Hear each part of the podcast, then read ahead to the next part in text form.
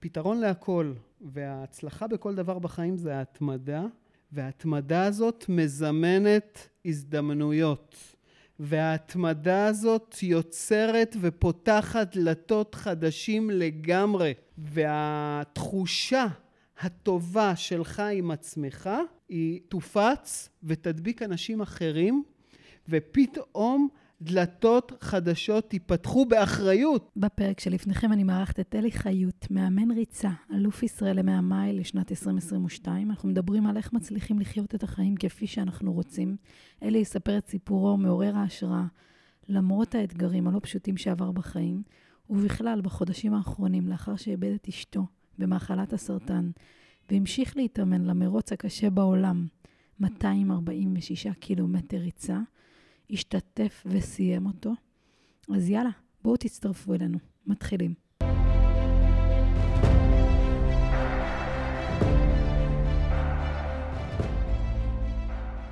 שלום וברוכים הבאים לפרק נוסף בפודקאסט לנצח עם עצמי. בפרק הזה יש לי זכות לארח חבר קרוב, קולגה, אה, המאמן ריצה שלי לשעבר, אלי חיות. אה, הוא אלוף ישראל לריצת 100 מייל, לשנת 2022. הוא ישתף אותנו בסיפור חיים המעורר ההשראה שלו.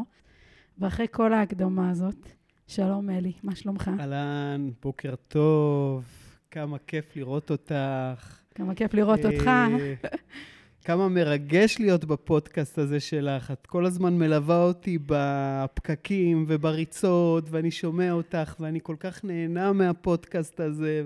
ועכשיו אני פה אצלך בפודקאסט, וזה מדהים. אני חיכיתי. לזה המון המון זמן. כל הזמן אמרנו, אוקיי, נעבור את התחרות הזאת, כן, נארח כן, אותך. כן, כן, היו הרבה עיכובים. היו הרבה עיכובים, אבל uh, גם uh, צברתי הרבה חוויות. אז uh, ככל שדחינו יותר את הזמן, אני מאמין ש... אז מי ש...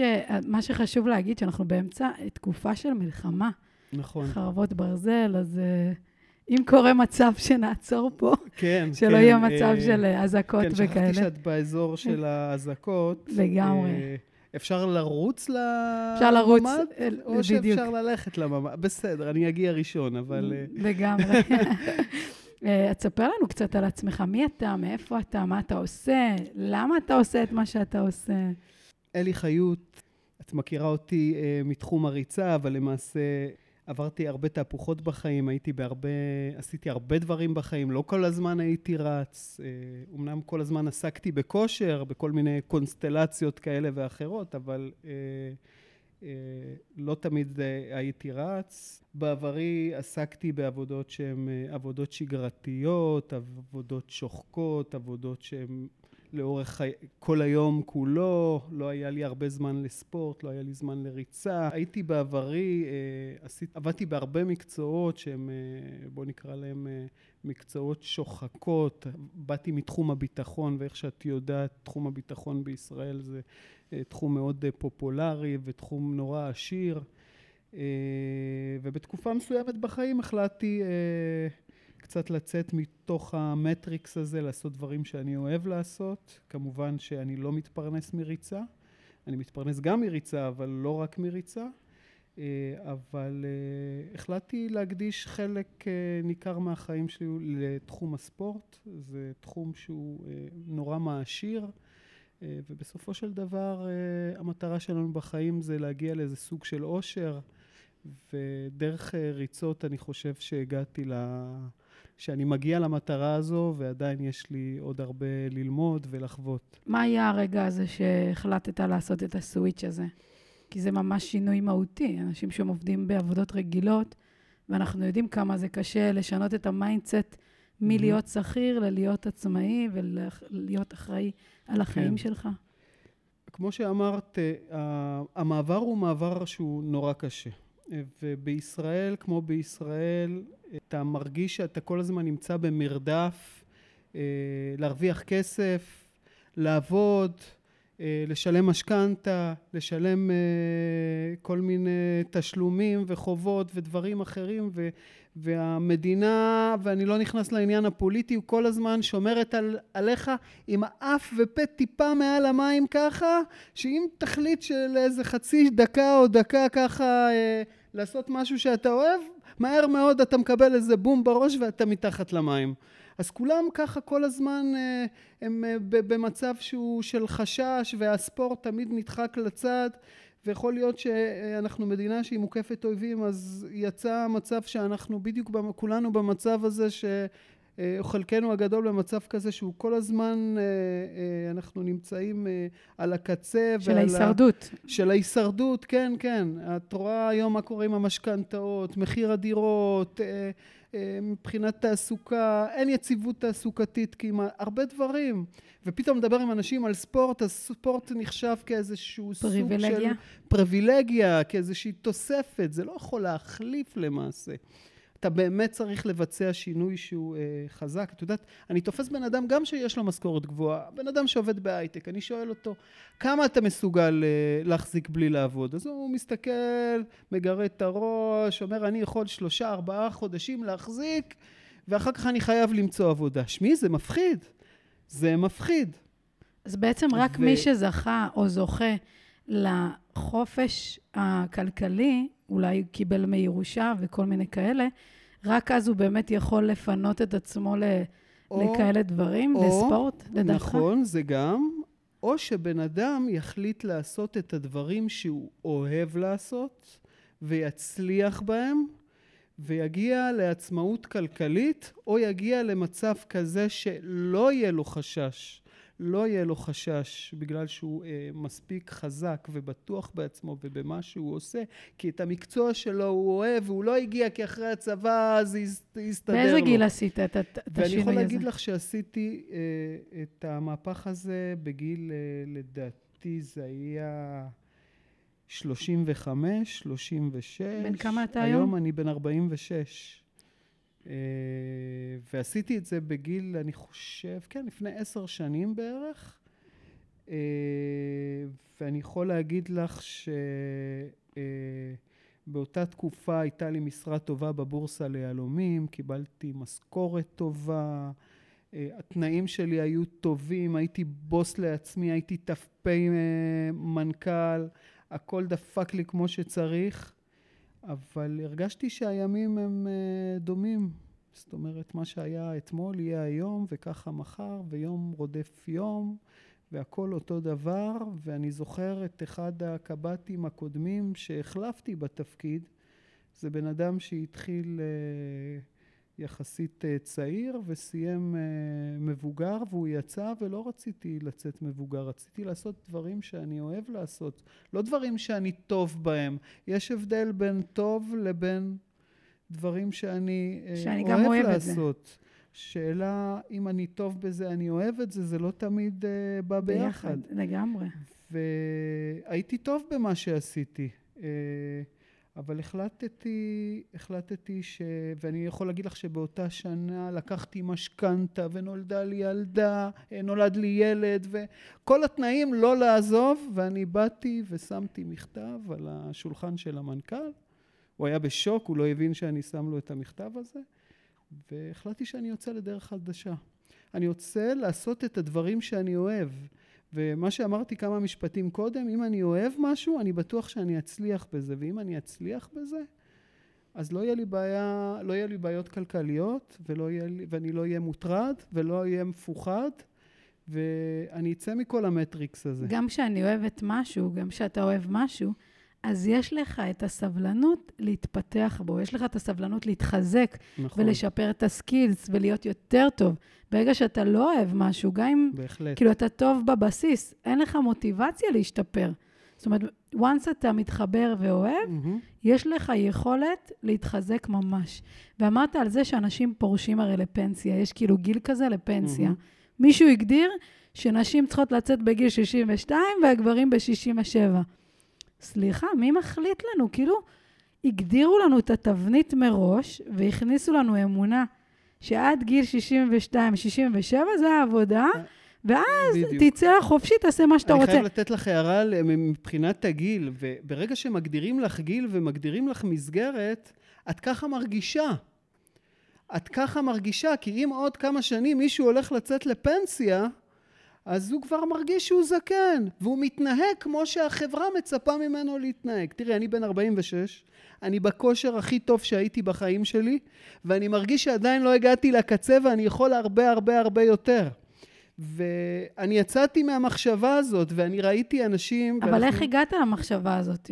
הגעתי למחשבה הזו, אה, אולי כי אני טיפוס מרדן בטבעי, ואני מאמין, אני לא מאמין למה שאומרים לי, אני כל הזמן בודק את מה שאומרים לי, אה, ולא יכול להיות שבחור בן אה, שלושים, היה לי, השבוע דיברתי עם איזשהו בחור בן שלושים, בחור נפלא, הוא רוצה להתחיל להתאמן אצלי, סטודנט לרפואה, והוא מספר לי, אני שהייתי צעיר, תוך כדי דיבור הוא אומר לי את המשפט, אני שהייתי צעיר. רבאק, אתה בן שלושים, אתה שהיית צעיר חתיכת חוצפן, עצרתי אותו. מה זה המשפט הזה? אני מכיר אנשים שעדיין לא התחילו לרוץ בגיל הזה, והם יתחילו לרוץ והם ישברו שיאים והם יהיו אלופים במה שהם אוהבים. ואיכשהו ההתעסקות הזו בגיל גורמת לאנשים, אה, את יודעת, זה משבית אותם, זה פשוט מכבה אנשים. כי מה שאתה מספר, זה נכנס לתת מודע. גם אם אתה אומר, לא, צחקתי, אני לא באמת uh, זקן, אבל במילים אתה משפיע על ההוויה שלך, על הסגנון חיים, אתה לא מעז לעשות דברים. מה נראה לך, אני אתחיל לעשות עכשיו? אין לי לא בקטע, לא זה, אני לא בכושר, אני כולי שבור, הגב שלי... כל מיני תירוצים, mm-hmm. אבל זה הכל סיפורים. אבל ברגע שהמילים מגובות במעשים, אז כבר את מאמינה. זה כבר נהפך להיות הוכחה. אבל כדי אני... להזיז את הבן אדם, להעלות אותו, את המדרגה הזאת, המדרגה mm-hmm. הראשונה היא הכי גבוהה. נכון. בהתחלה אנשים, הצעד הראשון הוא באמת הכי הכי קשה. השינוי הזה, לעשות שינוי mindset, גם אני הייתי שכירה, ואני עכשיו 100% עצמאית. זה שינוי מהותי, זה שינוי אחר. זה לא שאני באה, אין, אין פסול להיות שכיר, אני רק אומרת שיש עוד סגנונות בחיים שאולי. לא משתפים אותנו. יש אוכלוסייה ביקום הזה שמרוויחה מלא כסף, והם רוצים לשמור את רוב האוכלוסייה mm-hmm. שתהיה שכירה ושהם יפרנסו אותם כל הזמן. ואז לא נותנים לך באמת את האפשרות, כמו שאתה אומר, להרים את הראש ולחיות כמו שאתה רוצה. הם מדברת, חיים כמו שהם רוצים. את מדברת על פירמידה, ואנחנו חיים בעולם של פירמידות, אה, ואני איתך בדעה הזו, ואני חושב שאם מישהו רוצה לצאת מהמשחק הזה, הוא צריך לרצות, ולא משנה מה הכושר שלו, ולא משנה מה הסטטוס שלו, ולא משנה מה השכר שלו, ולא משנה מה המקצוע שלו. הוא פשוט צריך לרצות, ומי שרוצה, יוצא. ו... הוא צריך לרצות וגם לעשות עבודה פנימית עם עצמו, במה הוא חזק, במה mm-hmm. הוא אוהב, נכון. ואיך הוא יכול לתת הלאה את הטוב הזה לאחרים, כדי שהוא יוכל גם להתפרנס נכון, מזה. נכון, כי מהצד השני של המיקרופון, אנשים שאנחנו, שלא רואים אותנו עכשיו, כן. אה, יכולה להגיד לעצמה, ותרשי לי להיות אה, חופשי בדיבור, מה הם מדברים שני אלה? מה הם מקשקשים? אני כרגע שמנה, דבה, על הספה בבית, כשאני קמה מהספה אני מוציאה חתיכת אוויר, ש... נשיפה שאיפה, שאני, על מה הם מדברים? אני בקושי מסיים את החודש, בעל הבית שלי רוצה להעלות את, ה... את השכירות, על מה הם מדברים? ואני חושב שדברים קורים, מחשבה מייצרת מציאות. אתה ו... תיארת את הדמות שלי, כי אני הייתי כזאתי. ומבחינתי, נכון. אני לרוץ, זה אני אחרי 50 מטר הייתי מאבדת את הנשימה. זה לא היה הגיוני. והדבר הזה שזה אפשרי, לדעת קודם כל שאם זה קיים בעולם, זה קיים גם עבורך. נכון, ויש לי uh, משהו להגיד על זה, אבל לפני זה אני ממשיך ב... נמשיך בדימוי הזה של כן. אותה אחת, ואז היא אומרת, אוקיי, אני רצתי, מה עכשיו? לא יקרה כלום. אני אומר לך, לא יקרה כלום. לא יקרה כלום אם תרוץ, היא תסבול, היא תחזור, היא תזיע. אבל uh, ברגע שבן אדם רוצה, והוא מתמיד, והפתרון וה, להכל, וההצלחה בכל דבר בחיים זה ההתמדה, וההתמדה הזאת מזמנת הזדמנויות. וההתמדה הזאת יוצרת ופותחת דלתות חדשים לגמרי. והתחושה הטובה שלך עם עצמך, היא אה, אה, תופץ ותדביק אנשים אחרים, ופתאום דלתות חדשות ייפתחו באחריות, במאה אחוז, זה הסוד. אנשים לא מבינים שאם הם מרגישים רע, אז יהיה להם רע. אם הם מרגישים טוב, זה חוק יהיה המשיכה, להם טוב. חוק המשיכה. זה, ככה זה עובד. המחשבות, החיוביות, האופטימיות הקוסמית, הנאיבית הזאת, היא הפתרון. וברגע שבן אדם מתחיל לרוץ ומתמיד, ויש סביבו חבורה פתאום של אנשים, והוא נפתח לקבוצות שונות באוכלוסייה, ויש לו פתאום שיח אחר, ויש משהו שמעניין אותו, ויש קבוצות שמעניינות, פתאום הכל מתחיל להסתובב סביבו, פתאום הוא מרגיש את החיים בצורה אחרת, הוא תואם אותם עם תשוקה שונה, ואלה הדברים שהם יוצרים הזדמנויות. זה לא משהו שקורה בשבוע, אוקיי? אבל גם כל השומן הזה לא קרה בשבוע. בדיוק, לוקח כן, הרבה אז זמן. בבקשה, אין פה ניסים, יש פה דרך, יש פה סגנון חיים, יש פה דרך חיים.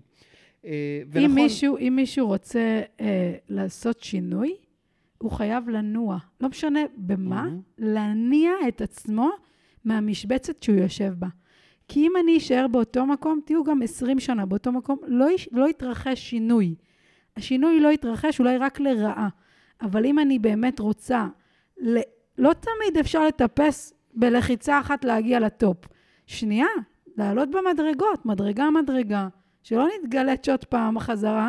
נכון. הרעיון שנייה לבסס, להוסיף רגליים, להוסיף עוגנים בחיים, אבל רק דרך תנועה. הנה, אמרת, יוצאים לריצה, אתה נחשף פתאום לאוכלוסיות אחרות. אולי אוכלוסיות עם יותר הזדמנויות. אתה יכול לראות הרבה אנשים שהם עצמאים, שהם רצים.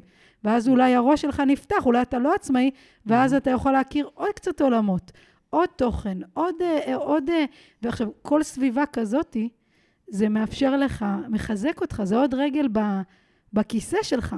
זאת אומרת, נכון. אם הסביבה שלך היום היא לא כזאת, אתה חייב לארגן את זה.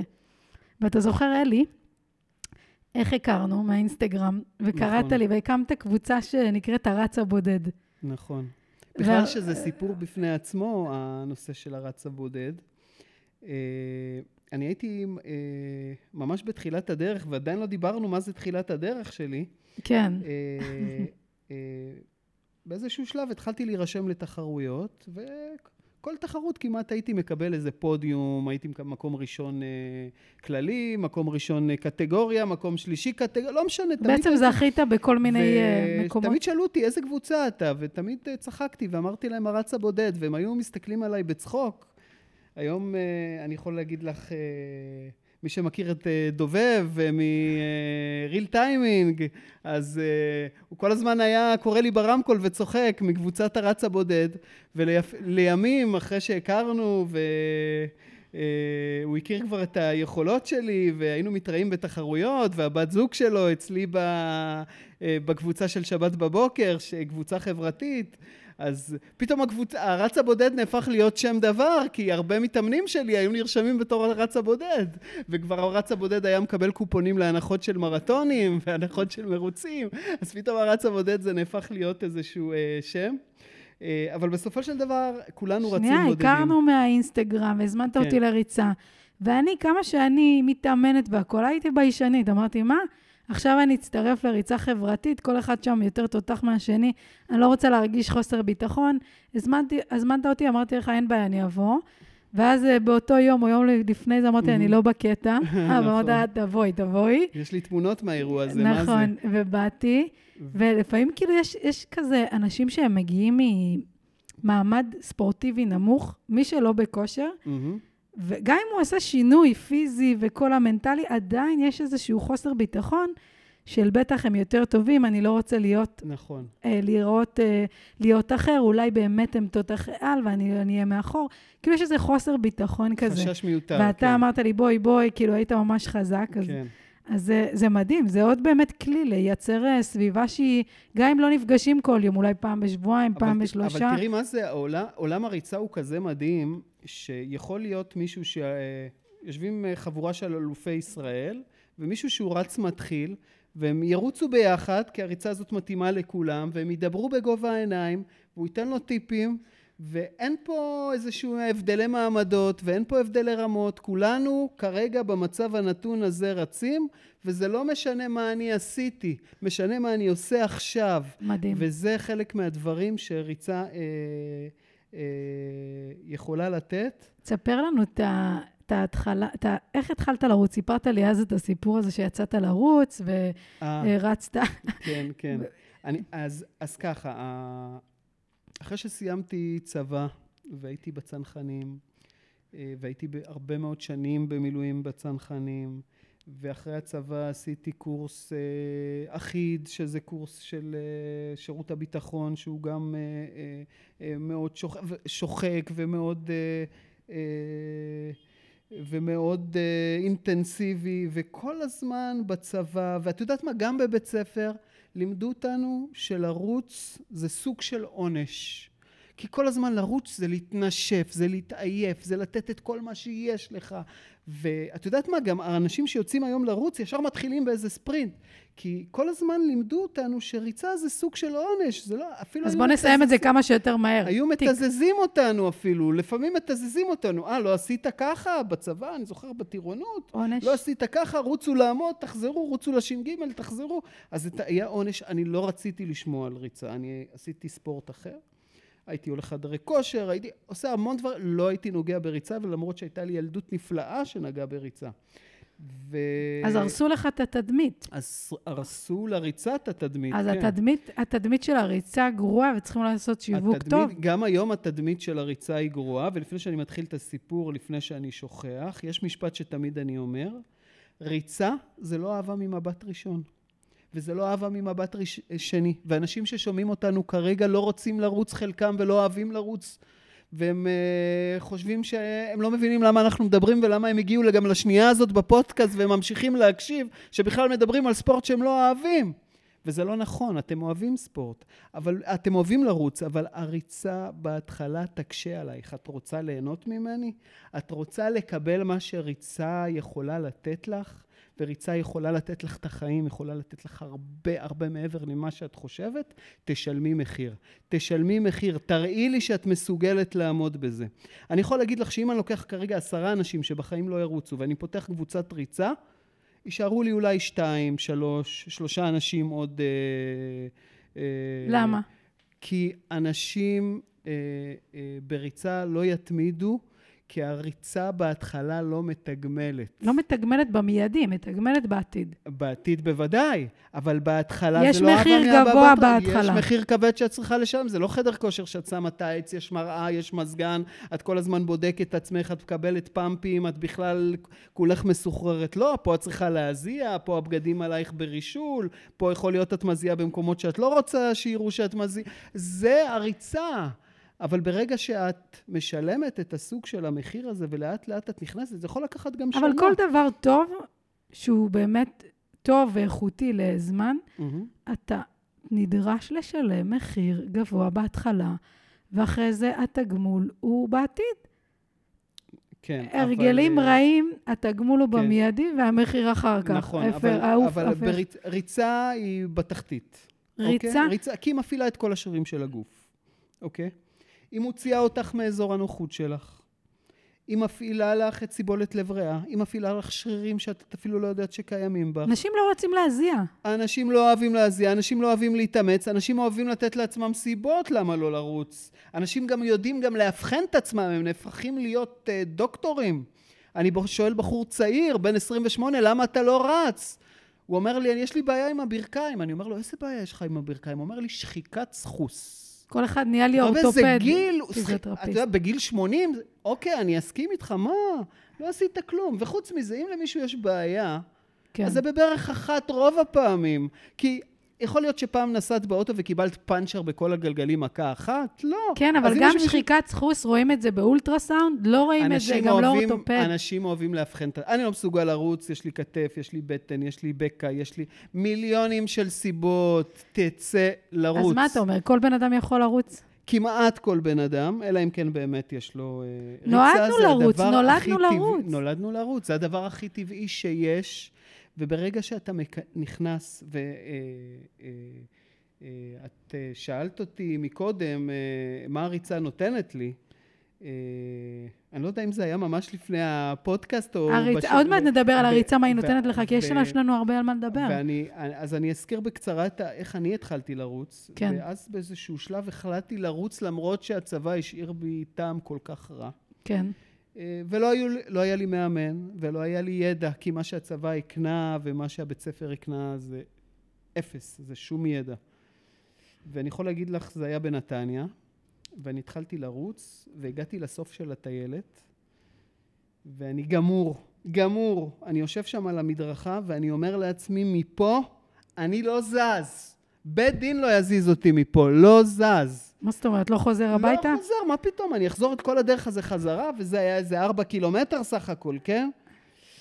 ונתתי ספרינט כל הארבע, לא ידעתי איך לרוץ, לא ידעתי קצבים, לא ידעתי סגנון ריצה, טכניקות, כלום.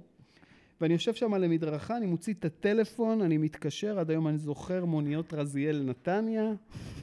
מגיע מונית, אני נעמד, הוא מסתכל עליי, אני מסתכל עליו, אני יושב מאחור, תוך כדי נהג המונית אה, נוסע, נותן לו את הכתובת. הוא אומר לי, מה אתה עושה? אני אומר, זה הבית שלי. הוא אומר לי, איך הגעת לפה בריצה? אז הוא אומר לי, מה, אתה רץ וחוזר עם מונית? הוא התחיל לצחוק עליי. אמרתי לו, כן, אני זה, אני לא רוצה לחזור, ניסיתי לגמגם לו, הוא התחיל לצחוק עליי כל הדרך. ונכנסתי הביתה, לא רציתי יותר לרוץ, אבל אחרי בערך שבועיים החלטתי שאני עושה את זה עוד פעם, אבל הפעם אני יותר חכם.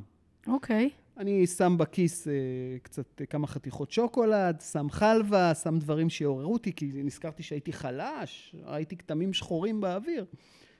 ויצאתי לרוץ כמו גדול, הפעם אני בטוח שאני גם חוזר, והגעתי בדיוק לנקודה של לפני שבועיים, ואני מתיישב שם על המדרכה, אוכל את השוקולד, אוכל את, ה, את כל מה שהבאתי, ואומר לעצמי, מפה אני לא זז. לא זז מפה. וכבר ידעתי את הנוהל, הרמתי את הטלפון למוניות רזיאל, היה קרוב פחות או יותר לאזור שלי, ומגיעה מונית. ומי מגיע בתוך המונית? אותו נהג שלפני שבועיים. ואז הוא מסתכל עליי, והוא לא אומר מילה, הוא רק פורץ בצחוק. אומר לי, תגיד לי, אתה נורמלי? אז תרוץ אה, חצי, תחזור. הוא התחיל להסביר לי מה צריך לעשות. והוא צוחק עליי כל הדרך, ואני מרגיש מובס. ואני מגיע הביתה, ואני, ואני אומר, את יודעת, זה השלב של לעזוב, זה לא, זה לא בשבילי, בוא נחזור לחדר כושר. היה לי פאמפ, היה לי שרירים, היה לי... ו... אבל לא, לא ויתרתי לעצמי. החלטתי שאני ממשיך לשלם את המחיר. כמה שנים אחר כך, את יודעת, כמו בסרטים, חושך, כמה שנים אחר כך, אה, אחותי אה, אה, נולד לה ילד, היא עושה ברית בבית שאן, היא שוכרת איזה מלונית שם, אנחנו כל המשפחה לוקחים, כל, כל המשפחה שם נמצאים במלונית, שבת בבוקר, כולם יורדים לבית כנסת, אני בנוהל יוצא לרוץ בזמן שכולם בבית כנסת, שם עליי וסט ריצה, ותופר שם את ה... את המקום. כן, את הבקעה. אה, זה מקום מדהים, מדהים. אה, ובשבת הוא ריחני, ו... ואני רץ שם ואני פורח בריצה. ותוך כדי הריצה, אחרי איזה 20 קילומטר ככה, אני רץ לכיוון, אה, לכיוון דרום, אה, אני מזהה נהג מונית, שמישהו, נהג מונית שמחליף גלגל שם, ואני מתקרב, מתקרב, מתקרב, אני רואה מישהו מחליף, ואני רואה שזה הנהג שלנו, מיהודאנו, מלפני שנים, ההוא מרזיאל. ואז אני נותן לו ככה טפיחה על הכתף ואני אומר לו, הלו, בוקר טוב לך, מה נשמע? והוא מסובב את הראש, והוא מזהה אותי, רואים, והוא בשוק, והוא מסתכל, הוא אומר לי, אתה, מה, מה, מה, ואני אומר לו, הכל בסדר, הסתדרת? הוא אומר לי, כן, כן, ואני ממשיך לרוץ ולהיעלם לו באופק, וזו הייתה סגירת מעגל מבחינתי. נהדרת. מדהים. ואני יכול להגיד לך שראיתי אותו גם לא מזמן בנתניה, דרך אגב. די, הוא עדיין ב... כן. וזה היה, זה הייתה אה, סגירת מעגל. אה, כמובן שמאז גם המשכתי להשתפר ולהמשיך אה, לרוץ, נו, איך? תספר זה... לנו עד ה... עד ה... עד, אתה יודע מה? עד התחרות של... תן לנו, כן, עד התחרות. התחרות האחרונה שעשיתי. כן, תן לנו ככה תחנות בדרך. אז ככה, ה- הריצה היא מאוד מרגשת אותי, אוקיי? אני רואה בריצה איזשהו סוג של חוויה רוחנית. הריצה היא מאפסת אותנו, היא, היא נותנת לנו תחושות, אתה יודע, גם אה, מבחינה מדעית, זה משחרר הרבה חומרים טובים בגוף. אתה מדבר על ריצות זה, אה, ארוכות או על... אני מדבר על כל פעילות גופנית, בדגש על ריצות. ובריצה זה כמו סם, ככל שאת, אה, סם חיובי, כן? ככל שאת אה, משתמשת בזה וצורכת את זה, את רוצה יותר ויותר. את רוצה לחוות את החוויה הזאת, ובשונה מסם, זה ממשיך איתך גם כמה ימים אחר כך, וזה עושה דברים טובים. ו... בשונה מסמים, זה חומר טבעי שהגוף מייצר. זה בהחלט, לא שאתה מביא משהו חיצוני בהחלט. כדי להימנע מסבל, אלא אתה פה, ו- מהגוף שלך משחרר את זה. ואני התחלתי בריצות קצרות, חמישה קילומטרים, עשרה קילומטרים, לאט לאט אה, חצי מרתון, מרתון. אבל- מה זה חצי מרתון, למי שלא יודע? חצי מרתון זה 21.1 קילומטר, ומרתון זה כפול. ומרתון זה כפול, אה, 42.2. אה, וככל שאתה אוהב משהו, את זוכרת את השיחה הראשונה שלנו, אתה רוצה ממנו יותר. ובאיזשהו שלב אה, מישהו הציע לי לעשות הקפה של הכנרת, ואז שאלתי אותו, כמה זה הקפה של הכנרת? ואז הוא אמר לי 63 קילומטר. אז אמרתי, 63 זה מרתון וחצי בערך, פלוס מינוס. אז אמרתי, יאללה, קדימה, בוא נעשה אה, הקפה של הכנרת. חשבת שאתה יכול לעשות וזה- הכל? כי אז- אנשים שלא, שהם לא, לא, לא רצים, הם, Mhm. לא, הם לא חושבים שהם יכולים בכלל. אז, אז אני אגיד לך, בהתחלה אנשים שיוצאים ושומעים את המספרים שאני עדיין לא אמרתי אותם, דרך אגב, כן, אני, עוד- תכף, אני תכף אני אגע במספרים של המרחקים שאני רץ אותם, אבל אנשים שיוצאים לרוץ ואחרי 2, 3, 4 קילומטר מרגישים גמורים, אני יכול להגיד להם ולעודד אותם, זה בסדר שאתם מרגישים גמורים, זה טבעי, זה נורמלי, אבל זה לא אומר שאתם לא יכולים לרוץ 40 ו-50 ו-60 קילומטר. ככה מתחילים. ההרגשה הזאת זה הרגשה שאתם צריכים לחוות אותה, אתם צריכים להתמודד איתה, אתם צריכים להכיל אותה, אתם צריכים לנצח אותה, והיא תלך ותתפוגג ותיעלם, ואז היא תופיע לכם בקילומטרים הבאים. פתאום היא תופיע אחרי 20 קילומטר. אם עכשיו היא תופיע אחרי 2-3 קילו, היא תופיע אחרי 20, ואחר כך היא תופיע אחרי מרתון, ואחר כך היא תופיע אחרי 50 ו-60, ואתה תדע להכיל את, ה, את התחושה הזאת. את התחושה הזאת. ריצה זה אה, הכלת כאב. זה ספורט שאתה צריך ללמוד את, ה, את עצמך. אבל ול- כל הריצה היא כאב? הריצה היא הכלה של כאב אה, והתמודדויות, אבל זה לא כאב שיגרום לך לעצור.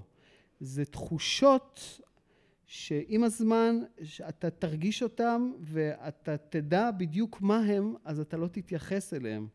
ואז אין לך בעיה שהם קיימים, הם לא מטרידים אותך, אוקיי? זה לא משהו שהוא מטריד. באמצעות הריצה אתה בונה חוסן מנטלי שמאפשר לך להמשיך ולהתגבר על התחושות האלה? את יודעת, פעם אה, מישהו אמר לי באמצע אה, ריצה מאוד ארוכה, כן. שריצה זה 80 אחוז בראש ועוד 20 אחוז בראש.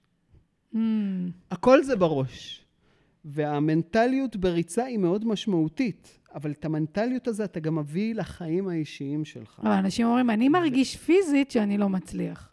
אתה, המנטליות היא באה ביחד כמובן עם הפיזיות. אתה לא יכול להיות, אה, להרגיש מנטלי שאתה מסוגל לעוף ולנופף עם הידיים ו, ולהתפלל למה אתה לא נוסק באוויר, כן? אתה צריך לפתח את היכולות שלך בהתאם למנטליות שלך. אבל אני יכול להגיד לך שזה בדרך כלל הפוך. אוקיי? בדרך כלל תוך כדי ריצה אנשים צוברים יכולות מנטליות. אנשים צריכים בריצה אה, אה, לצבור משברים. המשבר זה מה שבונה אותנו. אם את רוצה להצליח במשהו, את חייבת שיהיו לך מספר משברים ברזומה על מנת שיגרמו להצלחה שלך להחזיק. את לא יכולה לעשות משהו בריצה, ולמעשה גם בחיים. את לא יכולה... אה, אה, שהכל כל יהיה לוי- לוי להצליח. בלי לה... כן. בדיוק. אי אפשר. זה דרך החיים, זה דרך העולם. אני צריך ללמוד את עצמי, ללמוד את הכאבים שלי, בשביל לדעת לרוץ מהר יותר ולהכיל את הריצה במשך זמן ארוך יותר. כי הריצה שלנו מתחילה, הריצה שלנו היא מתחילה בזמן, באותו זמן שאנחנו כבר יכולים להפסיק לרוץ. יש איזה משפט באנגלית ש, אה, שאומר, ורשום לנו שם, רשום, היה רשום לי בחדר כושר, The real workout begin when you want to stop. ברגע שאתה רוצה לעצור, שם זה מתחיל. שם אתה מתחיל למעשה. את יודעת, אנחנו לא יכולים להשתפר בתוך... אה, בתוך אזור הנוחות שלנו, בתוך מסגרת הנוחות שלנו. אנחנו משתפרים רק מחוץ לאזורי הנוחות שלנו. וברגע שאני משתפר מחוץ לאזור הנוחות שלנו, אני מגדיל את אזור הנוחות שלי. וככל שאני ואז רוצ... אתה מתקדם. יוצא מחוץ לאזור הנוחות שלי, הוא יוצא ומתקדם מאחוריי. וככה אני משתפר. אם אתה רץ שתי קילומטר, ואחרי שתי קילומטר מאה אתה לא מסוגל, ואתה נעצר אחרי שתי קילומטר מאה, אז לא השתפרת. אתה לא תרוץ שלוש. אבל תראה, הסגנון חיים שלנו, בעידן של 2023, מנסים לייצר לנו כל כך הרבה מוצרים שמביאים לנו נוחות, כל נכון. החיים שלנו זה רק לנוח ולשבת, וכמה שפחות מאמץ. תן לי שואב ידני, אוטומטי, שישטוף, שינק... הכל צריך להיות אוטומטי. ופה אתה דורש בעצם מאנשים, הריצה עצמה, נכון, אבל להניע את עצמם לעבר משהו שהם לא בהכרח רוצים, כי השיווק שלו גרוע, והם צריכים להזיע, mm-hmm. ו- והם לא רואים את התוצאה במיידי, הם גם לא, לא מבינים מה זה נותן. רק אחרי באמת, אתה אומר להם, אחרי כמה זמן אתם תרגישו, כאילו, כן. למה, למה באמת ה, ה...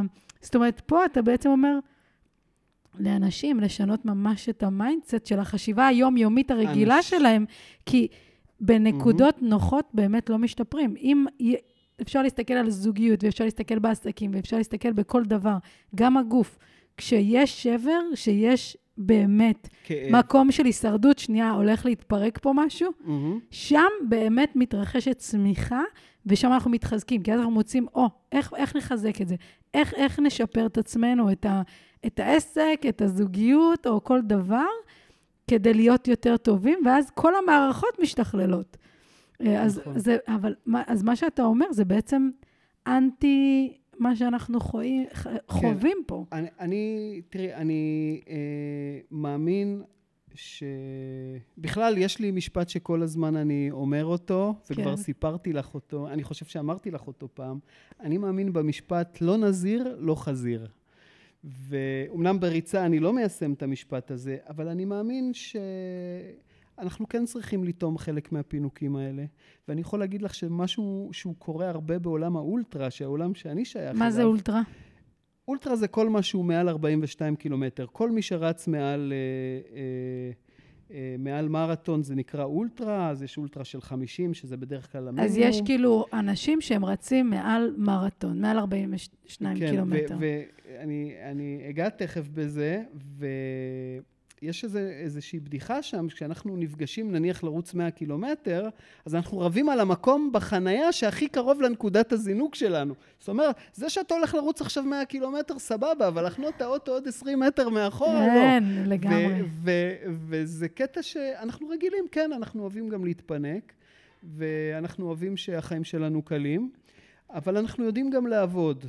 והריצה היא מלמדת אותנו לעבוד, ולגבי מה שאת אמרת זה כל כך מדויק ונכון, אנשים ברגע שהם אה, מרגישים איזשהו ברקס הם עוצרים.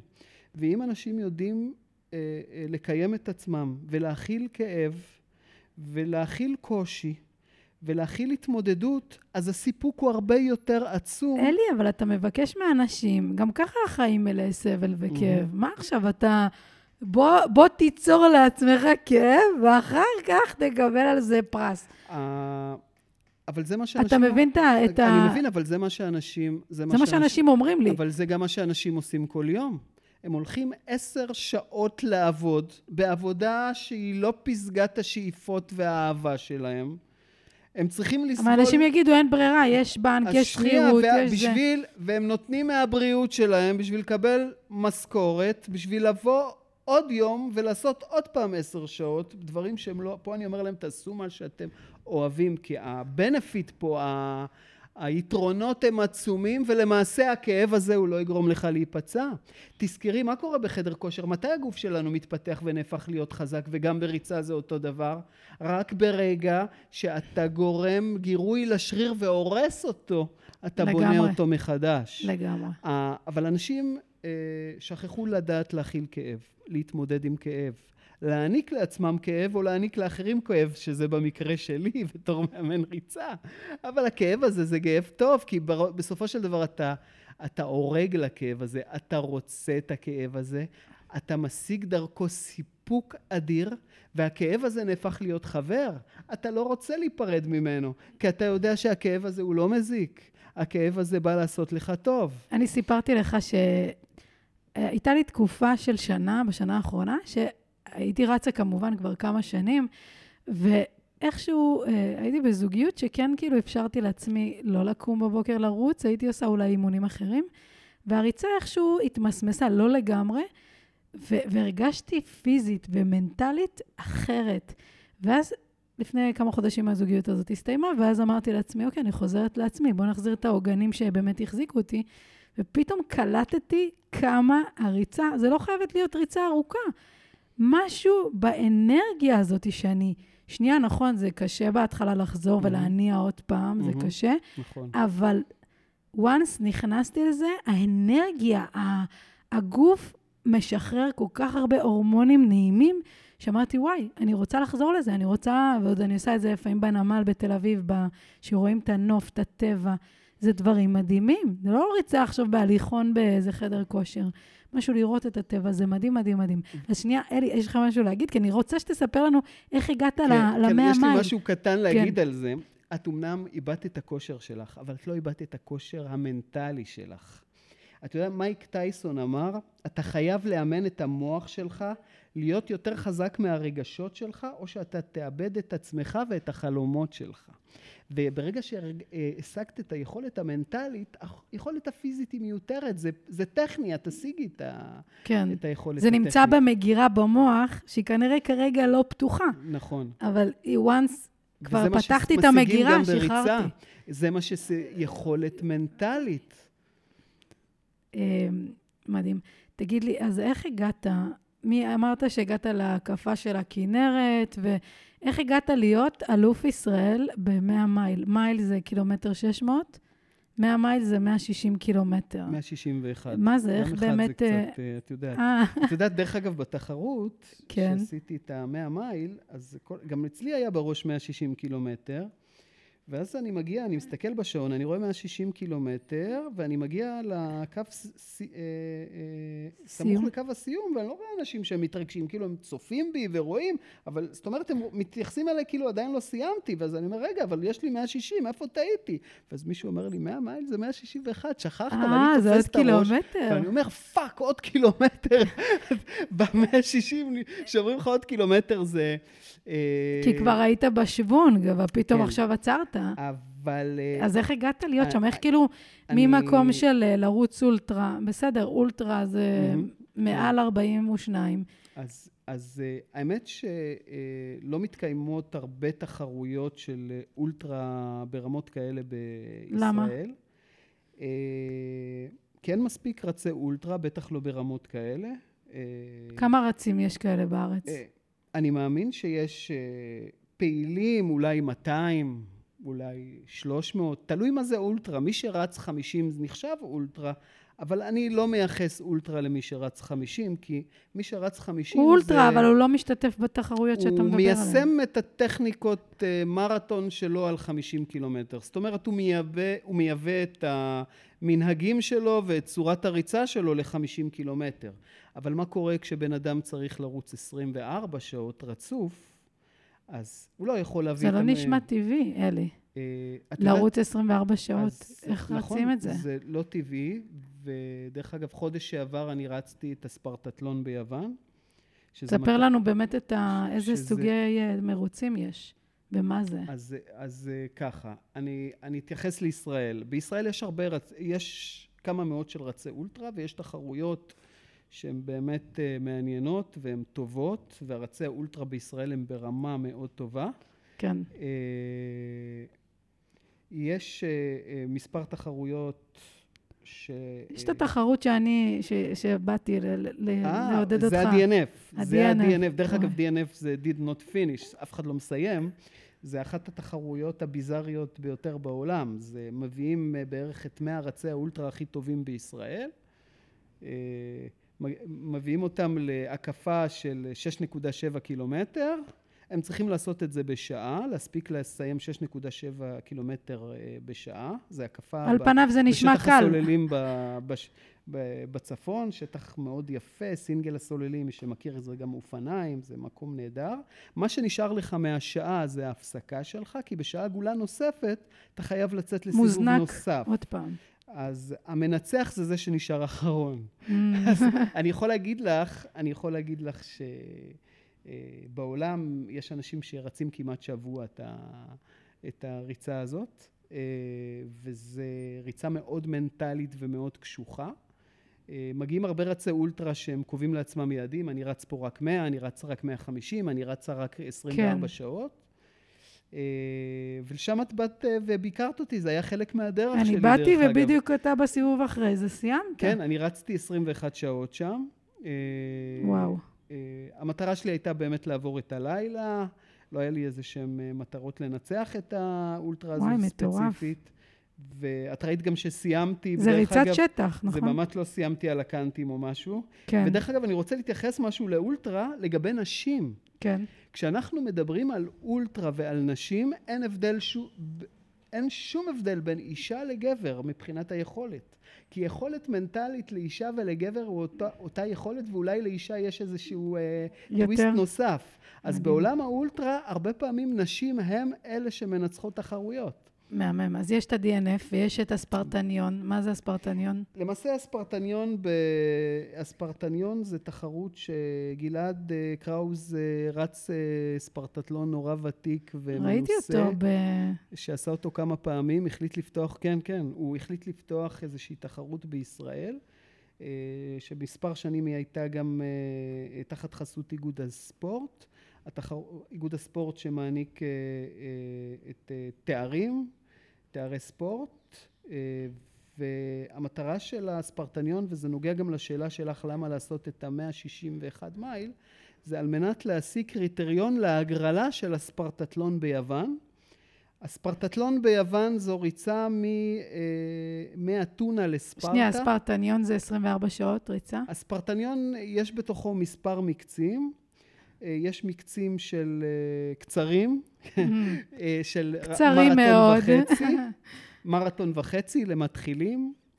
ל, אה, יש... אה, למתחילים שהם מתקדמים כן, מאוד. 100 קילומטר. אה, וואו. 12 שעות, 100 מייל וריצה של 24 שעות. זה המקצים שיש. המקצים היותר קשוחים אלה המקצים שאם אתה מגיע בזמן מסוים, אתה יכול לקבל כניסה אה, לספרטטלון ביוון, אם אתה עובר קריטריון שהוא מאוד קשוח, או לקבל כניסה להגרלה לספרטטלון ביוון, שהספרטטלון ביוון למעשה זה תחרות האולטרה שנחשבת הקשה ביותר בעולם. אנחנו נדבר על זה. Okay. אוקיי. תגיד לי, אבל לפני, לפני הספרטטלון, היה אירוע מאוד משמעותי בחיים שלך, כן. בשנתיים האחרונות. Mm-hmm. מאוד עצוב, מאוד קשה כן. ומאתגר, והסתיים לפני ה... הסתיים, כן. התחיל אה, לפני התחרות. אתה יכול לשתף אותנו באתגר כן, הזה? אני, כן, כן. ו, וזה, הרבה פעמים כשאני מדבר על ריצה, אני, אני מתייחס לזה, כי, כי זה הלך ביחד, ואני תכף אבצע את החיבור. אז אני, השנה איבדתי את אשתי אחרי שנתיים מאוד מאוד קשות. אה, של מחלה מאוד קשה. אה, שנתיים שהיו לנו אה, הרבה בשורות רעות והרבה גם בשורות טובות ותקופות חזקות ותקופות שהן פחות חזקות. והייתה התמודדות שהיא לא פשוטה והתמודדות מאוד ארוכה. ואני יכול להגיד לך שלאורך כל התקופה הזו הריצה ליוותה אותי כאיזה סוג של טריגר ש... שמעניק לי איזשהו חוסן להכיל את התקופה מבחינה אה, נפשית, מבחינת פריקת מתחים, מבחינת הכלה. אה, ואני יכול להגיד לך שאשתי, אה, זיכרונה לברכה, הייתה אישה מאוד חזקה ומיוחדת ויפה ומדהימה. אה, והשאירה, והיא חיה בתוכנו, והשאירה השאירה המון דברים אחריה שיזכרו לנצח נצחים. השאירה לכם שלושה אה, ילדים. ושלושה ילדים מהממים, והיא הכירה אותי כל כך טוב, של, שבמהלך התקופה הזו, אה, שהיא לפעמים הייתה רואה אותי עייף, פיזית ונפשית עייף, או רואה אותי קצת... אה, מכונס בעצמי, הייתה אומרת לי, תעשה טובה, צא לרוץ, הייתי בבית חולים איתה, צא לרוץ, תחזור ו... ונמשיך. אז זה היה התרופה ו... שלך. ולאורך אה, שנתיים שהיא בבית חולים, ואני עם ילדים בבית, ואני עם עבודות, ומיליון ואחד דברים, לא עזבתי את הריצה. אבל לא עזבתי את הריצה כי הספורט הזה זה לא פינג פונג, אוקיי? זה לא אה, עכשיו חוג במתנס. הריצה, אני באמת מאמין שהריצה היא מעניקה חיים ומעניקה יכולת. אני הייתי במחלקה הכי קשה בתל השומר. במחלקה שאנשים... מה היה לרומית? והיה לה לוקמיה. וואו. ואנשים שם... אנשים, ראיתי שם אנשים נגמרים, ואת הבני משפחה שלהם לוקחים וצורכים הרבה כדורים אה, אה, אה, בשביל להרגיע את עצמם. הרבה כדורים, אה, הרופאים היו רושמים להם הכל. קלונקס, אה, ציפרלקס, הכל, האנשים היו לוקחים בשביל לשרוד שם. אנשים לא מצליחים לווסת את הרגשות ו... שלהם ועוברים להתמכרויות ועוברים למשברים מאוד מאוד קשים. נכון, וזה דרך אגב טבעי שהם ייקחו את הדברים האלה, כי מה שקורה, מה שאת רואה שם זה משהו שאני לא מאחל לך בחיים לראות. אנשים שדיברתי איתם אתמול ופרחו, הם אנשים שעכשיו אה, כיסו אותם לפני רגע, זה פשוט פשוט מדהים. היא הייתה אה, צעירה, היא הייתה בת 42, אה, נכון? נכון, נכון. היא הייתה וואו. צעירה, ועברנו אה, סבב ארוך של טיפולים, שחלק מהזמן הצליחו וחלק לא הצליחו. אה, אני יכול להגיד לך, דרך אגב, אם אנחנו מדברים על הספרטניון, אז ספרטניון זה היה האשפוז הראשון שלה. אה, וזה היה מיד אחרי שהודיעו לנו, ואני בכלל שקלתי לא לגשת לתחרות למרות שהייתי כבר מוכן למעשה. אז בעצם ו... בישרו לכם את הבשורה הרעה? ממש ב... ואז היית צריך לעשות את התחרות, וואו. ואשפזו אותה אה, משהו, אשפזו אותה אולי אה, שבוע לפני הספרטניון, שבועיים, אני בכלל לא תכננתי לעשות את הספרטניון, הייתי איתה כל יום בבית חולים, כבר... אה, ההתחלה זה, זה פשוט, קיבלתי איזשהו בום, קיבלנו איזשהו בום מאוד... מאוד קשה לחיים, עדיין הייתי צריך להתארגן על עצמי, להתארגן על החיים שלי, על המציאות החדשה שאני צריך להיות בה. והיא הייתה מאוד חזקה, והיא אמרה לי, שמע, אתה חייב לעשות את הדבר הזה. ובאיזשהו מקום רציתי גם לשדר מסר למשפחה שאנחנו עדיין חזקים, שום דבר לא, לא קרה בנו, ואין כמו לשדר למשפחה שאנחנו חזקים, שאני חוזר הביתה אה, כאלוף ישראל. וזאת אומרת, ידעתי שאני הולך לנצח את זה לפני שעשיתי את הצעד הראשון, וואו. אני הולך לקחת את התחרות הזאת, ולא משנה מול מי אני הולך להתמודד. ואני יכול להגיד לך שאחרי שבאמת ניצחתי את התחרות, ואחרי ריצה של לילה מאוד אה, קשה ומאוד אינטנסיבי, ו... אה, נראה לי שאת היית שם גם, באת לבקר. אני חושבת שרציתי אה, להגיע, זה היה לא, סוף. כן, לא הייתי. זה לא אני. כל החברים, כולם הגיעו כן. ותמכו, והיה שם אווירה מאוד מיוחדת. אני סיימתי ולקחתי את הגביעים, ונסעתי לבית חולים, לתל השומר. כל האחיות במחלקה מסתכלות, מי זה נכנס בצורה כזאת בסערה פנימה? והנחתי לה את כל הגביעים ממש מול העיניים. ואמרתי, זה הניצחון שלי, עכשיו הניצחון, הגיע התור לניצחון שלך. וזה, אני יכול להגיד לך שהחוזקה ששידרנו, אני והיא, והאופטימיות הנצחית, והחתירה אה, לסיים עם זה, ולנצח את זה, ולרגע, את יודעת, לרגע לא חשבנו אחרת, זה מה ששמר עליה בחיים, כאשר אחרים כבר גמרו בחודש הראשון, היא שרדה הרוח. וניצחה שנתיים, וחלק גדול מהזמן חשבנו שזה מאחורינו. אה, ואני חושב שאם מדברים על ניצחון הרוח על החומר, זה אצלה בא לידי ביטוי, ואפשר לראות את זה גם בעולם הריצה הרבה, כן?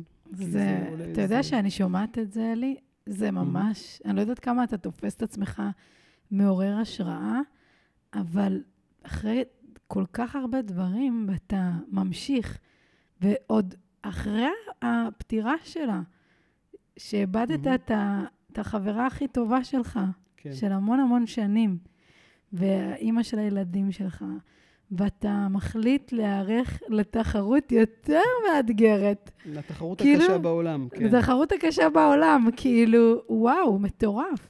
מה זה כי- התחרות הזאת, בקצרה? כי ברגע שהבנתי שאני צריך יכולת מנטלית, כן, היכולת הפיזית שלי הייתה פה משנית. כן.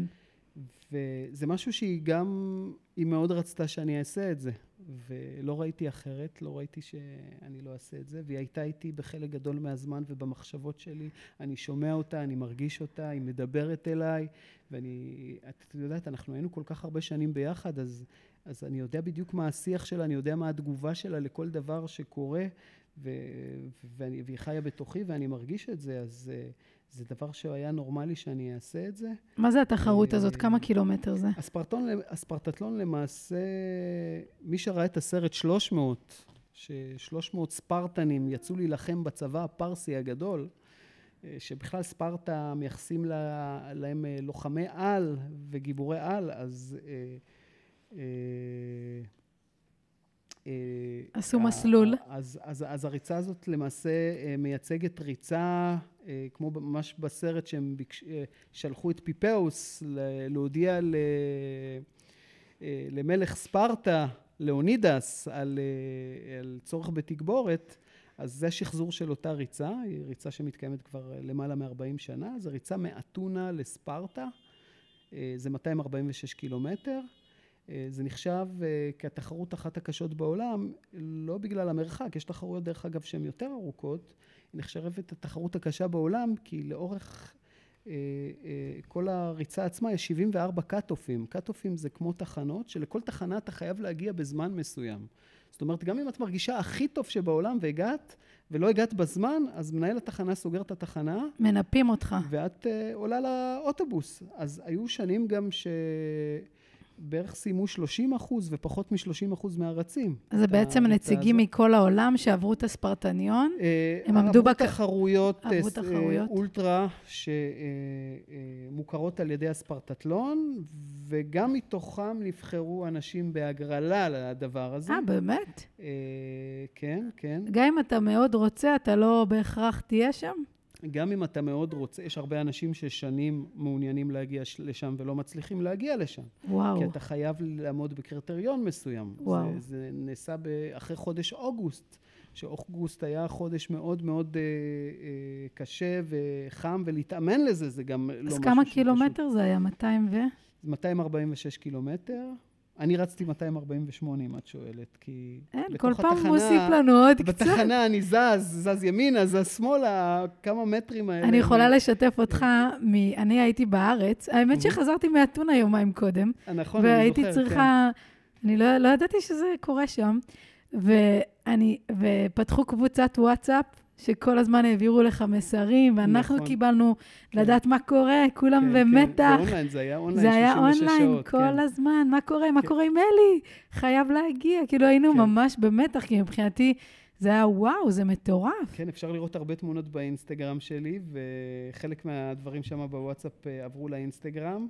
ואני בניתי את עצמי מבחינה אסטרטגית, כזו שאני מנצל את הקאט-אופים בצורה מיטבית, ואני מנצל את כל הזמן שנתנו לי. אני לא באתי לשם להתחרות, אני באתי לסיים, זאת הייתה- הייתה המטרה. ואנשים כן. אומרים לי, כל הזמן מתחת אותנו, כי לא ידענו אם תגיע לתחנה הבאה, כי אתה כל הזמן היית על הדקות הבודדות האלה, על השפיל הקטן הזה. אני הרגשתי מצוין עם זה, אני תמיד ידעתי שאני שומר איזשהו כוח ככה בצד, שאם בטעות קורית איזו תקלה, אני אדע לדפוק איזה ספרינט ככה חזק. כל הכבוד, האמת שזה השראה כן. לראות את זה תודה, בשידור חי. תודה, תודה. אנחנו ככה ממש לקראת סיכום. מהמם. בקצרה, יש לך מישהו שהוא השראה בעיניך, שאתה ככה מסתכל עליו ואומר, וואלה, הוא נותן לי השראה? אני חושב שאנחנו, אה, הרבה פעמים, אה, את יודעת, אני לא נתפס על בן אדם מסוים, אבל אני חושב שהשראה אנחנו יכולים לספוג מהרבה מאוד אנשים שלא יש מישהו בהכרח- שהשפיע עליך ממש חזק? שהם לא בהכרח אה, אה, אנשים שהם, אה, את יודעת, השראה מוחצנת.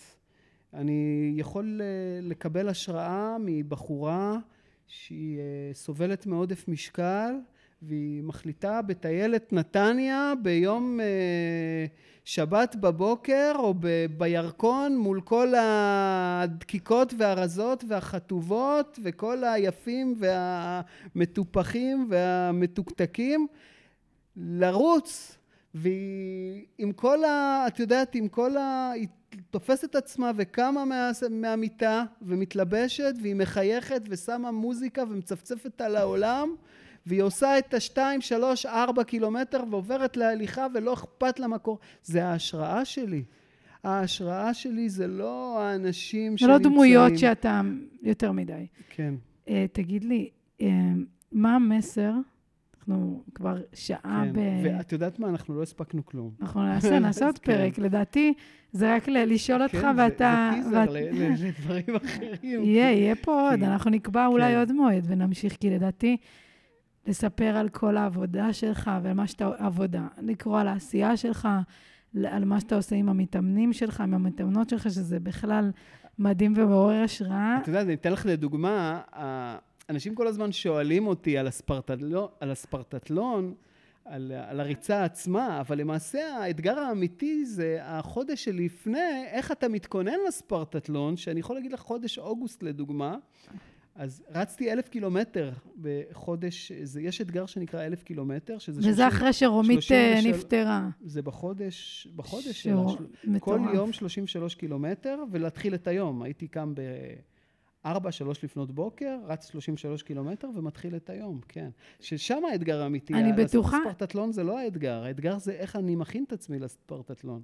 עכשיו, כל ה, מה שאתה מתאר פה זה דברים שהם מקצועיים, ומן הסתם עם הכנות, ועם דברים שהם, אה, עם, לא יודעת, השקעה וטיפוח וטיפול נכון. פיזי. זה לא כל בן אדם קם בבוקר, יאללה, אני עושה אלף קילומטר בהצלחה.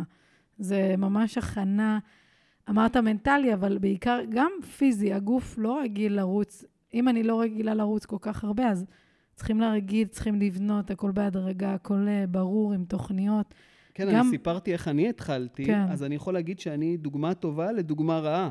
כי היום יש כבר הזדמנויות אה, יש מלא אה, ידע, יש מלא הרבה מאמנים. ידע, יש הרבה מאמנים, לא חייבים להתחיל בצורה כזו קיצונית וקשה, ויש דרך. אפשר שזה יהיה נעים יותר. והדבר הכי טוב, הדבר הכי טוב להתייחס בריצה, אה, לא לחתור למטרה מסוימת.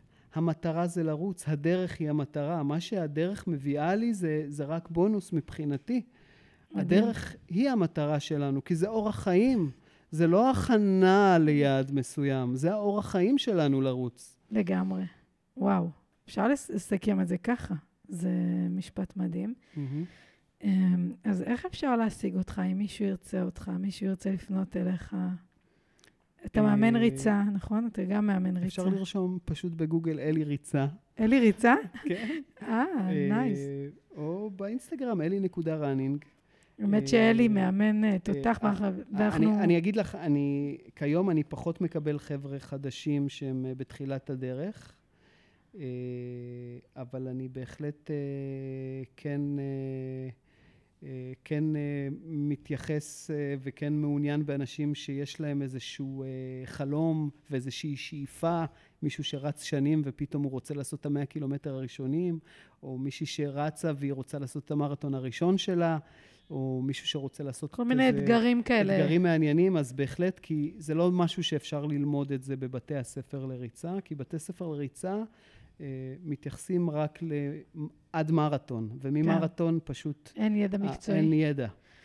אה, טוב, אז אלי, איזה תודה כיף, רבה. איזה תודה כיף רבה. שהזמנת אותי, תודה רבה.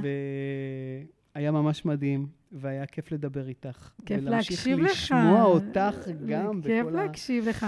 אני יכולה להגיד לך עוד משפט, שחשבתי על זה, שאתה אחד מהאנשים שהסתכלתי עליהם ככה באינסטגרם ואמרתי, וואו, איזה תותח, איך כאילו, מה, אני ברמה הזאת, אני בכלל כאילו יכולה לדבר איתו? כאילו, בעצם זה. שדיברת איתי, הרגשתי שאני בעלת ערך רב. ולקח לי זמן להכיר, כי לפעמים אני אומרת, וואו, הוא מדבר איתי, וואו, את יודעת, כאילו, אני כנראה... פונה באינסטגרם לאנשים שהם לא בהכרח עם כושר, או נצרף אותם, או מבקר... זה, אין לזה אינטרס, שום אינטרס. כן, ברור. ואני רואה איזושהי חדוות הריצה, שזה משפט בפני עצמו, ואני רואה את הרעב ואת התשוקה, ולא אכפת לי מה הכושר, כי אז ראית ש... את התשוקה? ואני רואה את התשוקה, אני רואה גם את התשוקה היום, אני לגמרי. רואה את, ה, את ההתלהבות, הדרך חיים, ו, ואנשים שאני פונה, ואני רואה את האהבה הזאת, וזה הרבה מעבר לכושר, כי כושר אנחנו נשיג.